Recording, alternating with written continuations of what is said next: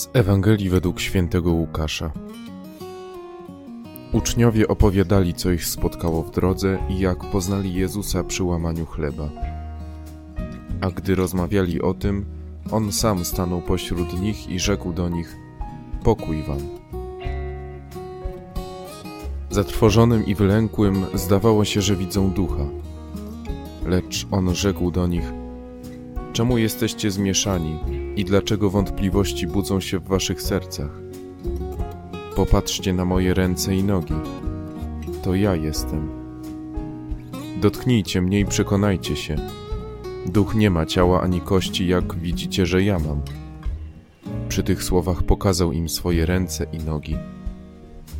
Lecz gdy oni z radości jeszcze nie wierzyli i byli pełni zdumienia, rzekł do nich: Macie tu coś do jedzenia?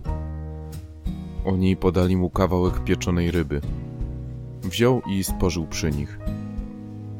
Potem rzekł do nich: To właśnie znaczyły słowa, które mówiłem do was, gdy byłem jeszcze z wami.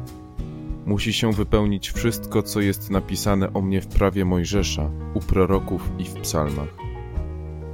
Wtedy oświecił ich umysły, aby rozumieli pisma. I rzekł do nich: Tak jest napisane: Mesjasz będzie cierpiał i trzeciego dnia z martwych wstanie. W imię Jego głoszone będzie nawrócenie i odpuszczenie grzechów wszystkim narodom, począwszy od Jeruzalem.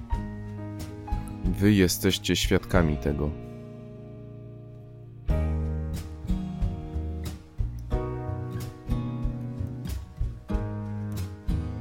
Usłyszany przez nas fragment Ewangelii opowiada o spotkaniu uczniów z Jezusem. Zmartwychwstały Pan ukazuje się tym, którzy poszli za Nim i uwierzyli Jego słowom. Mimo, że większość z nich uciekła, gdy nadszedł czas próby krzyża, Jezus przychodzi i przynosi im pokój oraz nadzieję. Mogłoby się wydawać, że słowa nie mają dziś żadnego znaczenia. Słyszymy, czytamy i sami wypowiadamy ich tysiące każdego dnia. Możemy czuć przesyt słów. Tyle wokół nas niespełnionych obietnic, pięknych sloganów, fałszywych informacji, pomówień, manipulacji. Gdy czujemy się zawiedzeni słowami wykorzystywanymi w zły sposób, Pan przychodzi do nas ze swoim słowem. Jezus przybywa do uczniów, ogłasza im pokój, wyjawia im prawdę o sobie i swoim zmartwychwstaniu. Wyjaśnia, co chciał im przekazać przez cały czas, gdy chodzili za nim. Wszystkie słowa, które Pan dał swojemu ludowi, musiały się spełnić.